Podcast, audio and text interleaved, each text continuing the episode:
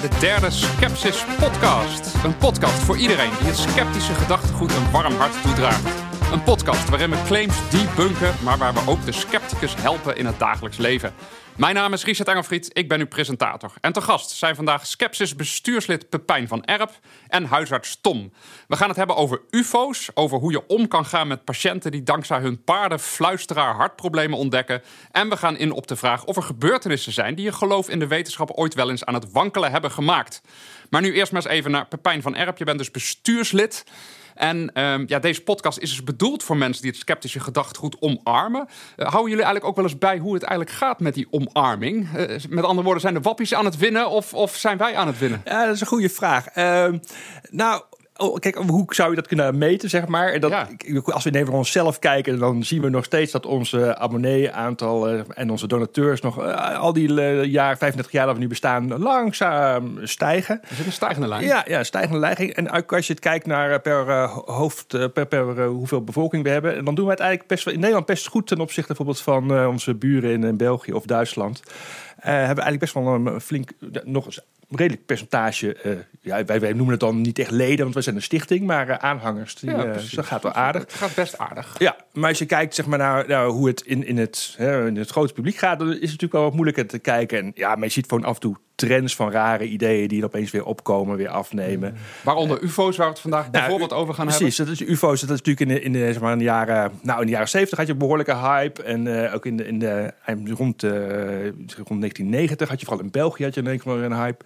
En sinds een paar jaren is het uh, ook, ook weer, weer Komt bal. weer terug. We, we, gaan er zo op in, maar ja. nog één vraag, want dat wilde Tom eigenlijk ook graag weten. Um, hoe hou je het nou eigenlijk vol als scepticus? Want iedereen die jou een beetje googelt, die ziet ook, jij hebt wel eens een rechtszaak aan je broek gehad. Jij krijgt wel eens wat verwensingen op social media naar je hoofd. En toch ga je maar door. Dat is natuurlijk bewonderenswaardig. Wat, wat, wat zorgt ervoor dat je altijd maar door blijft gaan? Of heb je soms ook het idee van, jongens, uh, ik geef de pijp door aan iemand anders? Uh, nou, ik, ik, ik zet ook wel nieuwe onderwerpen die interessant zijn om in te duiken. Zeker omdat er wel wat uh, ja, nieuwe wetenschap bij moet bekijken, wat wetenschappelijke artikelen. En dat maakt het wel leuk. Dus ik hou wel een beetje van dat, van dat puzzelen. Waar komt een verhaal vandaan? En, en dat, dat is op zich, die verhalen waar die vandaan, vandaan komen, dat is op zich al best wel interessant. En, en goed, dat sommige mensen daar dan rare conclusies uittrekken, is dan weer iets anders. En hoe ga je daarmee om? Ga je daar met de strijd mee aan of zo? Maar ja, ik hou ook wel een beetje van stevig discussiëren. Dus ik, ik, ik heb ook wel een, en een dikke huid. Dus, uh, dus op die manier hou je het wel vol. Dus we hoeven ons geen zorgen om je te maken. Nee, nee, nee, nee. En, en daarom ook nogmaals een oproep aan al onze luisteraars. Laat vooral uw eigen thema's en ook uw twijfels vooral aan ons weten. Dan kunnen ze met elkaar gaan bespreken. En zoals gezegd, we gaan beginnen met ons vaste onderdeel, de pijn van Pepijn. En daarin gaan we altijd een claim debunken. Ja, en vandaag is eigenlijk een klassieketje, de UFO. En laten we maar eens even een hele concrete pakken. Want jij kreeg een tijdje geleden een mailtje van een andere Richard. Niet van mij, maar van een, uh, uh, een Richard. En zoals dat dan gaat, die stuurde dan zo'n foto op. Licht triomfantelijk, ik heb iets bijzonders gezien. Toch, wat, wat had Richard gezien op deze foto? Ja, er, zijn een heel rijtje foto's uh, ingestuurd. En uh, meteen ook een heel bijzonder verhaal erbij. Want er was ervan overtuigd dat de dingen die gefotografeerd hadden... zeg maar, bewijs waren van dat er echt buitenaardse intelligenties... maar vanuit andere melkwegstelsels zelfs ons hadden geobserveerd. Want op die foto's was duidelijk een planeet gezien die niet in ons zonnestelsel zat. Dus dat moest even nergens anders komen. Maar, een exoplaneet heet dat exo, Nou ja, precies. En die was zo, zoveel uh, helderder en ja, gedetailleerder dan wat wij met onze beste uh, uh, telescopen kunnen. Dus, maar hij had, hoe hij dan in die foto gekomen was, die, die stond op zijn camera. Maar hij was er ook nog van overtuigd dat die buitenaardse intelligenties die foto op zijn camera hadden gezet. Maar goed, dat waren de meeste. De buitenaardse wezen had ja, ja, zoiets. Ja, ja, dat is wel een via het UFO. Maar hij had ook nog wat foto's, zeg maar, waar gewoon foto's die hij zelf had gemaakt, waarop ook iets bijzonders te zien was. En daar had hij dan een bewijs van, ja, dus die, die UFO die die andere foto's op zijn camera had gezet. Die was daar waarschijnlijk op te zien. Een blauwe UFO. En uh, het was een foto die dan s'nachts genomen, of in ieder geval uh, s'avonds genomen was bij een. Uh, en daar vroeg je naar te kijken. Nou, goed, ik heb al die foto's welwillend bekeken. En ik heb gevraagd van, kun je even de originele bestanden ook sturen? Want dan kun je tenminste nog wat zien of wat er, of wat er die camera, wat die echt gedaan heeft, die camera, of er een flits is afgegaan. Want dat soort dingen. Want ik probeer het toch een beetje te ontrafelen, hè? ook voor mensen die dit soort foto's ook wel eens krijgen op een feestje of noem het maar op. Hè? Wat jij hebt gedaan, dus je hebt de originele foto's opgevraagd. En vervolgens heb je met die foto, heb je met Stellarium, dan moet je maar even uitleggen wat het is, heb je een screenshot gemaakt en die weer in Photoshop over de foto heen gelegd. Ja, nou, dat was zeg maar de, de foto die, hij- die hij zelf had gemaakt. Hè? Dus die eh, concreet. En dan kon, ik wist ongeveer waar hij ha- genomen had. Dat hij wel verteld. En, eh, en ik kon dan op eh eerste instantie met Google Earth gewoon precies proberen te bepalen van waar die eh, foto genomen was. En eh, ik kon eigenlijk het huis eigenlijk gewoon terugvinden waar die had Ja. gestaan in de tuin. Want het is belangrijk om te weten waar die is genomen en wanneer die is Precies. genomen. En dus in welke richting die had genomen. Hij had een foto naar boven genomen. En eh, daar zag je dus ook wel wat sterren en zo op. Nou, en op een gegeven moment, als je weet, oh, ik heb wat sterren. Dan kun je met zo'n astro- met zo'n eh, astronomieprogramma, zoals Stellarium. Dat is eigenlijk een soort Google Earth, maar dan zeg maar, voor, voor de hemel. Hè. Ja? Als je dan precies de tijd weet, kun je, dat, eh, ja, kun je bepalen wat die man dus op dat moment gezien moet hebben. Met, ook met zijn camera. En in dit geval, en, ja, een beetje geluk hebben, als er genoeg sterren te zien zijn, kon ik dat mooi eroverheen plakken. Dus je kon precies zien van, oh, hij, dit, dit sterrenbeeld zit erin op die foto. En eh, die blauwe ufo die hij dan had gezien, die paste precies op een bekende heldere ster. Want dat bleek Vega te zijn, uit de ja. blog. En dat is, eh, dat is natuurlijk een, een heldere ster in een noordelijke eh, sterrenhemel. Ehm, die wel, waarvan ik ook wel wist dat hij wel vaker zorgde voor, voor UFO-waarnemen. Van mensen die denken, hey, ik heb iets bijzonders gezien. Ja, mensen zijn tegenwoordig niet meer zo gewend om eh, lang naar de sterrenhemel te kijken. Dus echt heel heldere sterren, die, die herkennen ze ook niet meteen. Eh, maar in dit geval was het dus mooi. Ze kon precies, ik kon er precies uit op elkaar plakken. En zeggen van, nou, dat moet eh, Vega zijn. En ook een mooie methode dus om aan te pakken. Ja, en dan is er nog een andere veel voorkomende claim.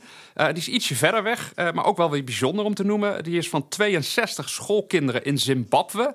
En eh, bijzonder daarbij is, dit zijn geen kinderen die de hele dag op Instagram of op TikTok zitten. De meeste hebben niet eens een telefoon. En dan zijn natuurlijk altijd mensen die zeggen, ja, dit maakt het dan extra bijzonder. Want deze waarneming, ja, dat kan niet nep zijn. Ja, dat, dat is een klassieke, klassieker, zeg maar. Dat, het speelt echt ook in de tijd van voor onze eh, smartphones en alles. Want het is in 94 in, eh, in Zimbabwe. En nou, nou klinkt dat meteen heel erg eh, ruraal, Afrikaans. Maar in Zimbabwe is, is in die tijd ook, bo- ook redelijk westers. En natuurlijk een behoorlijke grote blanke gemeenschap daar. Dus dat was wel een school wat een beetje wel to do kinderen. Maar die, die, hebben dus ergens in een pauze, terwijl de alle leraren zeg maar, binnen zaten, ehm, eh, hebben die dus iets gezien, zeg maar, op, net voorbij hun eh, speelterrein. En eh, er is later dus, eh, er is een dame die, in, in, in- die voor, de, nou ja, voor een UFO-magazine werkte. Die heeft dat opgepikt, zeg maar, dat Ja. al die kinderen daar onrust over hadden. En die is daar toen ingedoken en er was, die heeft een BBC-ploeg meegekregen. Die zijn dus een paar dagen later op die school eh, interviews gaan houden met die kinderen. Nou, daar kwamen de meest fantastische verhalen over. Dat een paar kinderen die hadden het echt over nou, dat er iets geland zou zijn. Dat er ja, niet-menselijke types rond zouden lopen. Er was echt iets uitgestapt, er gebeurde echt uit- iets. Het is niet alleen maar een soort vage flitsen, wat is Nee, dit? Maar echt wezentjes, noem het maar op. Dus, eh, en die hebben daar tekeningen van gemaakt. Die, die echt, eh, ja, echt van die, van die ja, klassieke UFO's. Hè, met een grote schotel, pootjes die dan geland zou zijn. En eh, ja, nog een tijd later is, is in maart, twee maanden later, is daar een bekende eh, Amerikaanse psychiater, John Mack, die is daar ook op bezoek geweest. Die was op een, ook een boektour in, in de zuidelijke Afrika. En die heeft ook met die kinderen allemaal geïnterviewd. En eh, daar kwamen die verhalen werden nog mooier eigenlijk. En hadden ook, eh, die kinderen hadden ook nog mooie boodschappen meegekregen van die buitenaardse wezens. Over dat wij zorgvuldig moeten omgaan met onze planeet. En eh, nou ja, dus dat is een ja, klassiek verhaal. En, en mensen zeggen van ja, het is, het is zoveel waarnemingen. Het Meer dan 60 kinderen Kinderen hebben zijn natuurlijk onschuldig, die hebben geen, geen Ja. enkele En- reden en- om te gaan liegen En, over. en in Afrika, daar, die kinderen die hebben helemaal geen ervaring met v- verhalen van UFO's. Dus ze kunnen het niet van andere mensen hebben opgepikt. En eh, ja, zoveel kinderen. En, dus ja, hier moet wel echt iets aan de hand zijn. Maar goed, als je daar het verhaal helemaal gaat afpellen. En hier is eigenlijk best wel veel beeldmateriaal. Omdat die, eh, die BBC-ploeg is er geweest. En later is die psychiater heeft ook alles gefilmd. En als je dan echt wat kritisch gaat kijken. Dan zie je dat er toch een hele hoop eh, wat af te dingen aan dat eh, verhaal. Wat is de grootste afdinger, zeg maar, even voor de mensen die nu misschien denken... nou, dit klinkt toch allemaal nog best aannemelijk? Wat, nou, wat de grootste, ja, zegt, belangrijkste voor mij is denk ik, als je goed gaat kijken, is dat er eigenlijk maar een paar kinderen bij waren die dus echt eh, die verhalen maken van dat er iets geland zou zijn of dat ze dat er echt, ehm, ja, dat ze, dat ze gezien hebben eh, dat er mensen uitstapten of dat die, dat die mensen een bijzondere vorm van hun hoofd hadden of zo. Als je goed kijkt, dat zijn dan telkens net een paar dezelfde kinderen die dat verhaal vertellen. Dus dat, dat idee van dat er 60 kinderen ongeveer hetzelfde verhaal vertellen, dat klopt eigenlijk al niet. En nou als je verder gaat kijken van hoe, hoe die verhalen tot stand zijn gekomen, dan zie je dat die kinderen elkaar toch heel makkelijk beïnvloed kunnen hebben. En ook die oorspronkelijke eh, dame die, eh, die er eerste instantie bij was, die van het UFO-magazine, die heeft denk ik met de beste bedoelingen hoor. Want op zich, wat ze deed was niet zo gek. Van, had gevraagd aan die, die docent van... eh, laat die kinderen vooral goed opschrijven wat ze gezien hebben... en tekeningen maken. Maar die heeft er daarna, toen zij op school kwam... wel net al die tekeningen eruit gevist... die haar het meest eh, eh, fantastisch voorkwamen. En die zijn dus ook weer gevoerd aan de BBC. Dus op, langzamerhand is dat zo een beetje gegroeid... En ook toen die psychiater later is gekomen, die, die zat al helemaal in het idee van dat, dat er mensen ook ontvoerd worden door aliens. En dat hè, die abductees, dat is ook zo'n thema wat in de jaren 60, 70 eh, eh, heel belangrijk was. Dus, en, die, ja, en als je ziet van hoe hij kinderen interviewde, dan zie je, ja, dat is toch behoorlijk suggestief. En, eh, ja, Precies, dus daar zien we het verhaal eigenlijk een beetje rammelen. En dan kom je toch terug op het aloude sceptische gezegde... extraordinary claims require extraordinary evidence. Van ja, zo'n claim, dan moet er wel meer bewijs komen... dan een beetje van dit soort verhalen. Tegelijk tot slot, hè, mensen kunnen natuurlijk ook al zeggen... ja, maar dit zegt allemaal nog niet dat het ook niet heeft plaatsgevonden. Nee, het dat kan is- altijd, het zou kunnen. Ja, nee, dan blijft het een interessant verhaal van wat die kinderen dan wel gezien hebben. Want wat ze, dat ze iets gezien hebben is, is best wel duidelijk.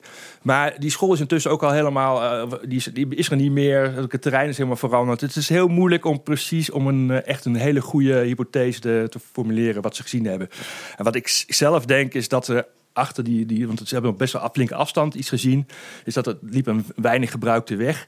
Dat, dat ze daar bijvoorbeeld toch een, een van een truck of zo heeft stilgestaan die toevallig in de zonlicht heel veel weerkaast heeft. Dat dat eh, lichteffecten zijn geweest. Dit is ook steeds waar het om gaat. Kijken wat voor alternatieve verklaringen er nog meer mogelijk zouden kunnen zijn. En wat dan uiteindelijk aannemelijk is. Ja, ja. Zo proberen we ook altijd maar naar die UFO's te kijken. Eh, heb je tot slot nog andere tips als het gaat om het bekijken van UFO-foto's of UFO-waarnemingen? Wat, wat zit nog meer in je standaardlijstje? Nou ja, één één ding is wat mensen hebben vaak niet door dat hun eh, digitale camera eh, meer of net anders waarneemt dan wat onze ogen. Dus eh, wat je kunt testen makkelijk met je eigen telefoon, met die camera erop, is dat die, die, eh, die kan bijvoorbeeld ook zien dat eh, infrarood licht. Dus als je met bijvoorbeeld je afstandsbediening van je tv, als je die zeg maar, op je camera richt en even die paar knopjes indrukt, dan zie je dat lampje wat aan het einde van jouw afstandsbediening zit, zie je dan oplichten. Terwijl je dat met blote ogen niet ziet. Ja. Dus daar moet je ook een beetje mee rekening houden. Dat dat de gevoeligheid van, eh, ja, van, van die digitale ch- chips die beeld opslaan, dat die anders is dan met onze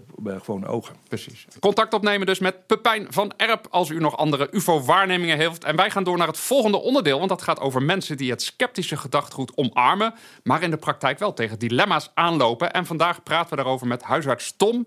Fijn dat je hier bent, eh, Tom. Goedemorgen. Ja, goedemorgen. Eh, Even nog weer voor iedereen, hoe word je ook alweer huisarts? Wat moet je dan voor weg eh, afleggen? Want dat, is nog wat anders dan bijvoorbeeld socioloog worden, heb ik begrepen.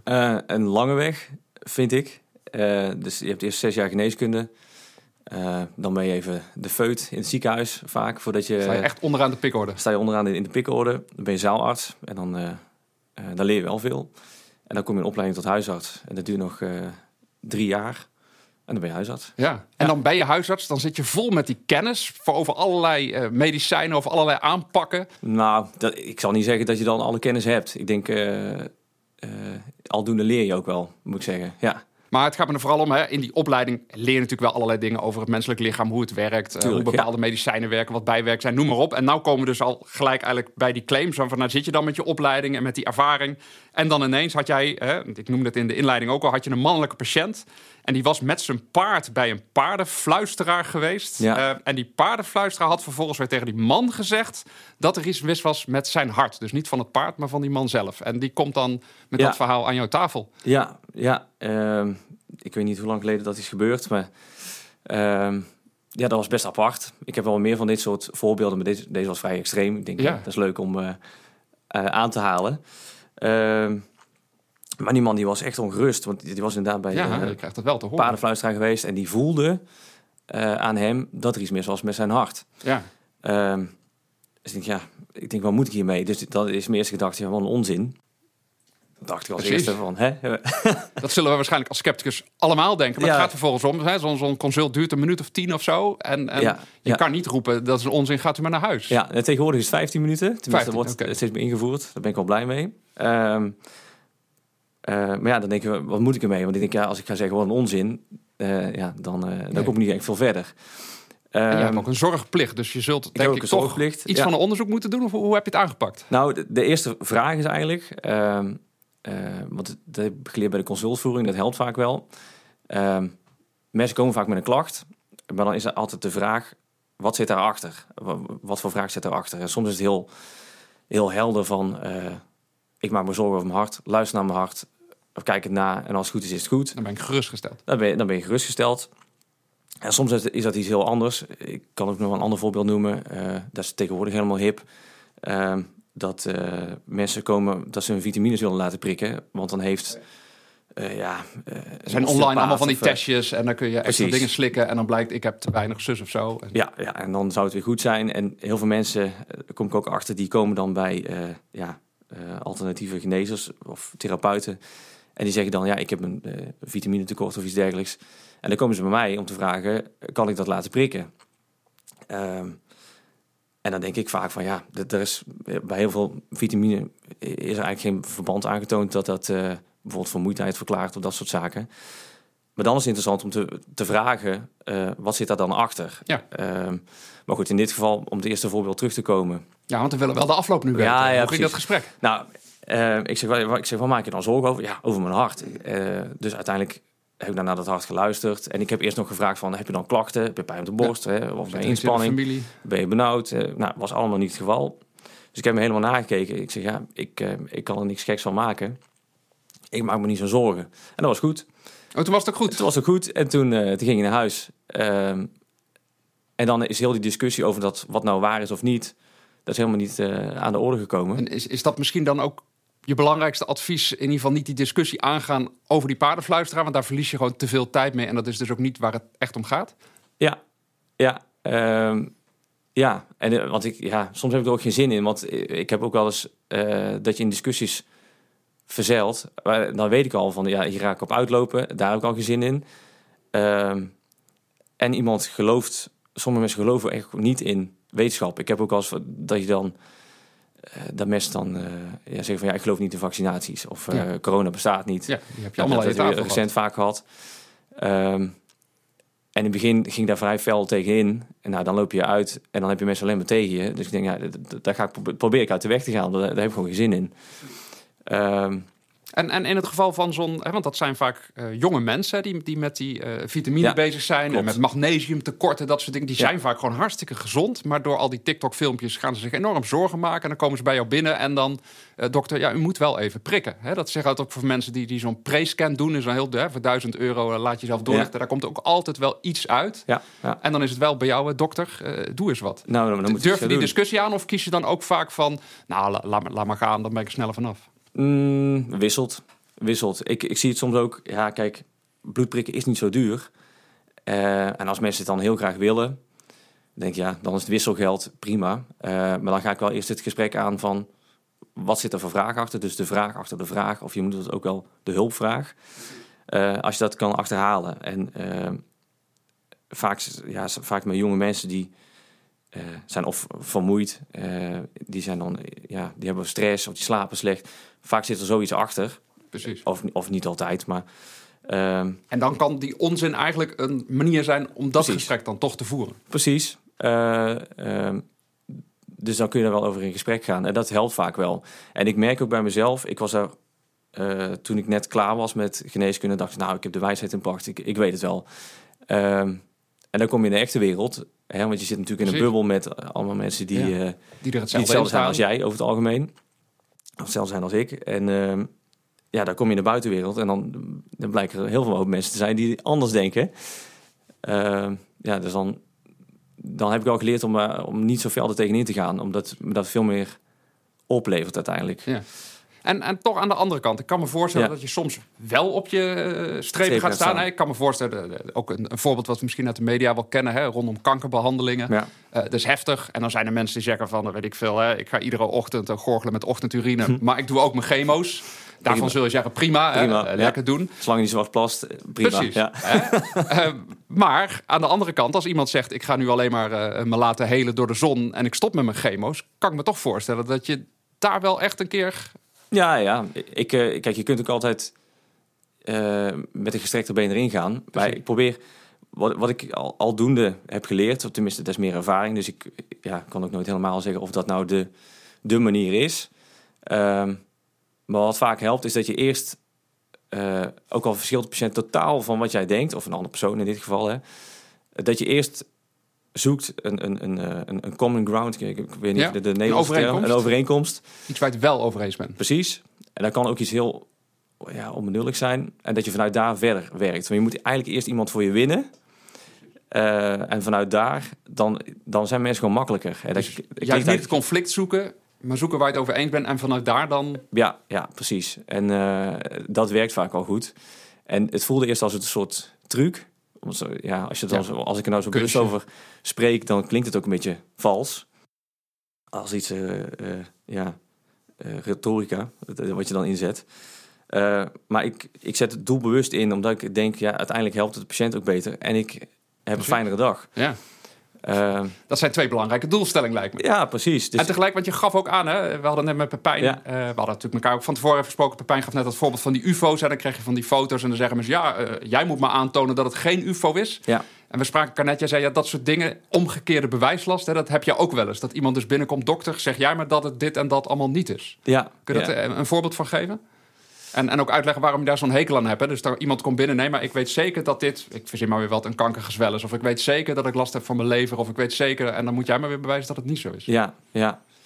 Eh, ja, dat klopt. Daar, ja, daar, daar heb ik soms wel eens moeite mee. Als mensen daarmee komen. En eh, eh, ik zeg er soms ook wel eens zo van... Ja, ik zeg, het is niet de bedoeling dat jij dan miskomt... en dat ik het dan moet gaan ontkrachten. Het is juist andersom. Het is omgekeerd. Ja, Ja. ja. En kunnen mensen daar wel eens om lachen dan? Of, ja, ja, ja. of- ja, je kunt ook wel grapjes maken. Hoor, als je, ja, en dan, eh, dat helpt vaak ook wel als je wat grappen gebruikt om, eh, om het perspectief wat te veranderen. Ehm, en soms zeg ik ook gewoon nee als we er niet uitkomen. En ik denk, ja, dit, is, dit heeft echt geen zin. En dit gaat heel veel geld kosten. Want vaak moeten mensen eigen risico ja, betalen. precies. Ehm, en het heeft geen zin. Dan zeg ik nee, ik ga het niet doen. En ik zeg ja, als je het, als je het niet mee eens bent, ja, je kan ook naar een andere dokter. Eh, maar ik ga het niet doen. Ja, die Dat escape kan- heb je ook altijd nog. Dat kan ook nog. Ja. ja. En, en ter geruststelling, eh, wat is je meest onsceptische patiënt ooit? Is, is er ook wel eens iemand geweest die nou, dat, dat, die zijn er gelukkig ook nog, eh, die gewoon naar de dokter luisteren? Oh, die zijn er heel veel. Ja, die zijn er echt heel veel. Ehm, ehm, ja, de meest onsceptische patiënt. Je hebt be- best wel mensen die vrij logisch na kunnen denken. Ja, Ehm, vaak zijn dat wel ja, mensen die gestudeerd hebben, merk ik. Dat is misschien een vooroordeel, maar die zijn vaker zo getraind. Die zijn, die zijn er ook meer ontvankelijk voor. Eh, dus je, ik had dat, wanneer was dat? Gisteren volgens mij, of eergisteren. Had ik iemand met een tenniselleboog. Daar kun je eigenlijk vrij weinig aan doen. Ja. Ehm, en toen heb ik de, zei ik eerst, ja, kun je eigenlijk niet zoveel aan doen. En, eh, en toen bleef me zo aankijken. Ik zeg, ik zal de richtlijn laten zien. en dan heb ik al die, eh, die onderzoeken erbij gehaald. Van hè, 80% herstelt binnen een half jaar, 90% binnen een jaar.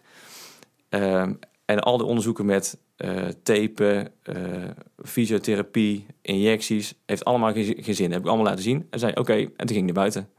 Ik, ik snap het. Ja. Dus die, die opluchting is er, is er ook nog. En, en tot slot, eh, want Japke was hier vorige week, eh, Ja. Japke D. Bauma, bij de vorige podcast, sorry. En ehm, die zei ook, ja, uiteindelijk hoop ik met mijn columns ook troost te geven aan mensen. Want ja, het is ook af en toe gewoon niet op te lossen. Heb jij tot slot ook nog zo'n zo'n laatste advies aan iets wat je wil meegeven voor iedereen? Hè, die ook het sceptisch gedachtegoed omarmt, maar soms gewoon ja, tegen onzin aanloopt of tegen mensen met rare denkbeelden. Buiten de goede adviezen die je al hebt gegeven. Ja. Ehm, nou, ik had het ook opgeschreven, want ik vond het wel een, eh, een mooi, ja, zeg je dat, adagium. Eh, ik had een oude huisarts, die is al ondertussen gestopt. En eh, die zei, wil je gelijk of wil je geluk? Dus soms moet je bedenken, wat wil je er uiteindelijk uitslepen aan een discussie? En als je denkt, nou, eh, dit gaat me te lang duren of ik win er niks mee, behalve ruzie. Dan moet je soms denken, nou, laat maar. Kijk. Ook dat is een mooi motto om af en toe maar eens te denken, laat maar. En dat brengt ons ook tot het laatste thema. Daar gaan we met z'n drie over praten, de maar van Maarten. En dat is een vraag die steeds wordt ingebracht door Maarten Koller, ook bestuurslid van Skepsis. En zijn vraag voor deze podcast is, zijn er gebeurtenissen geweest die zo krachtig waren dat ze je aan het twijfelen hebben gebracht? Dus bijna of helemaal van de wetenschap af deden bewegen. Um, en zo heb ik zelf bijvoorbeeld al twee jaar een soort zeurknie. Allemaal niet heel ernstig, maar het ding zeurt een beetje. Ik kan minder dan wat ik vroeger als jonge hond kon. En ik ben inmiddels al twee jaar verder, vier fysiotherapeuten versleten. Ik heb al vijf diagnoses gehad. En uiteindelijk kwam ik bij een sportarts. En die stelde voor om mijn knie met suiker te injecteren. En ze vertelde er doodleuk bij dat dat wetenschappelijk allemaal uh, tamelijk onzinnig was. Maar bij haar in de praktijk gaf het hele goede resultaten. Nou ja, en je voelt al aan, als je twee jaar met een zeurknie rondloopt, dan denk je natuurlijk, uh, zet Doe die maar. spuiter, ja, zet hem er alsjeblieft maar in. Uh, en ik ben ook nog een enorme zoete kou, dus het sprak me sowieso al aan. Uh, maar vinden jullie mij nou een halfbakken scepticus? Of kun je ook wel iets voorstellen dat ik hier een beetje... Ja, Pepijn, ik zie je toch kijken. Dat had je niet moeten doen, Engel. Nou, nee. Zo, erg, zo kritisch ben ik ook weer niet op. Ik snap, ik snap wel dat je het probeert. Ook als je denkt van ja... Je wel moet over nadenkt van wat zijn de risico's of zo. Als je dat niet al niet Die waren heel laag in dit ja, geval. precies. dat, uh, En dat je niet enorme verwachtingen van hebt. Ik Dus van, nou, oké, laat, ik het, laat ik het maar proberen. Doe dat, zal iedereen denk ik wel, ook de meest eh, geharnaste scepticus denk ik wel kunnen, eh, kunnen accepteren, denk ik hoor. Ja, maar eh, kijk, eh, snappen jullie wel? Want dit is natuurlijk die vraag. Dit was voor mij wel zo'n gebeurtenis. Ja, het doet je toch een beetje wankelen aan je geloof, aan je overtuiging. Want ik voelde natuurlijk ook wel toen ze dat zei... ja, er is weinig wetenschappelijk bewijs. En ze wist helemaal niet verder wie ik was, hè, maar ik zat daar gewoon alleen maar over mijn knie te praten. Maar ja, bij mij gaan natuurlijk alle shit, dat wil ik niet, dat kan niet, dat mag niet. Ja, en toch doe je het. Eh, heb jij ook wel eens zo'n voorbeeld meegemaakt? Bij Nou, ik, ik heb het eigenlijk bijna elke keer als mijn computer weer niet wil opstarten. denk ik van, hoe kan dat nou? Dat die vorige keer deed hij het wel mee. Het ligt aan Willem Engel, eh, denk je dan. Nee, precies. Nee, maar nee, ik, ik- echt hele concrete gevallen heb ik niet. Maar ik, waar ik het meest eh, toch af en toe wel een beetje verrast over sta... Dat, ja, die ervaring die de meeste mensen wel kennen... is dat je een keer zo'n déjà vu ervaring hebt. En soms zijn die wel ze- behoorlijk indrukwekkend. En eh, nou, dan kun je best wel even... even hè? Ja. Heb, heb je een voorbeeld van een indrukwekkend déjà vu gevoel bij? Nou ja, ik heb niet, Ervaring? niet heel concreet hoor, maar dat je iets, iets, iets, iets gebeurt of iets afdekt. Maar dit heb ik toch, dit heb ik toch al meegemaakt? Hè? De- en precies, of met diezelfde persoon. En opeens het kwartje valt van die persoon, die, ja, die ken ik wel, die heb ik al eerder gezien. En denkt van nee, maar hè, hoe, wat? En nou goed, meestal duurt dat maar heel even. En op een denk ik van, oh ja, het zal toch wel zal toch een déjà vu zijn of zo. Maar er zijn bepaalde omstandigheden waarin dat meer indruk maakt dan andere. En ik, ik heb bijvoorbeeld, eh, ik heb een tijdje in Afrika gewoond en daar slikte ik een, eh, een, eh, malaria prophylaxe, eh, la- ja, Lariam. Die geeft behoorlijk wat eh, bijeffecten bij op mensen. Ik had er niet zoveel last van. maar- Nachtmerries toch? En dat soort ja, nachtmis. Maar goed, ik had inderdaad met af en toe wel, ik sliep er redelijk goed op, maar ik had wel af en toe wel van die hele levendige dromen, echt veel levendiger dan normaal. En dat je dan langzaam, dat je bijvoorbeeld dat je wakker wordt en eigenlijk weet dat, dat je alweer bijna wakker bent, maar eigenlijk nog in die droom zit en dat dat zo langzaam met elkaar overgaat. En dan had ik, ja, denk ik van ja, hoe werkt dat nou? Maar Dan moet je echt even weer op aarde komen. zeg dat maar. duurt dan eventjes, ja, een paar minuten Precies. voor je het idee van, eh, eh, oh ja, dat je weer even eh, feeling hebt met de realiteit. Precies. Eh, Tom, heb jij ook dit soort voorbeelden van dingen waar je toch je geloof een beetje aan het wankelen brengen? Of dat je dingen doet waarvan je eigenlijk... Nou ja, ik zou je eerlijk zeggen, je had die vraag natuurlijk al van tevoren aan me voorgelegd. Maar Ik heb daar lang en breed over na zitten denken, maar ik heb geen, eh, ik heb geen voorbeelden. Je bent echt, echt een voorbeeld scepticus. Eh, ja, weet ik niet. Maar ja, Ja, tot nu toe in je leven dan tenminste. Misschien En- wel. Ja, en, en eh, ook maar, nou, laat ik anders voorbeeld wat ik geef. Hè. Kun je je daar iets bij voorstellen? Hè? Dus dat je aan de ene kant gewoon helemaal van... ik laat me alleen maar behandelen. Dat geldt denk ik voor jou ook zelf. Als jou iets zou overkomen, hè? alleen maar behandelen met methoden... Hè, waarvan we weten dat ze werken. Ja. En dan toch, dat zullen we bij patiënten misschien ook wel eens hebben... Hè? dat je ziet van ja, ze gaan toch voor de bijl. Ja, gewoon uit wanhoop. Dat je denkt, Ja, ja, dat snap ik goed. Dat snap ik goed, want je zoekt natuurlijk naar, naar een oplossing. Dus ja, dan... eh, en ik denk ook, als je een beetje de, de kosten-baten afweegt... dan kun je ook wel eens een keer iets proberen... eh, ja, waarvan het bewijs nog niet is geleverd. Want er zijn ook, eh, ja, er zijn ook therapieën...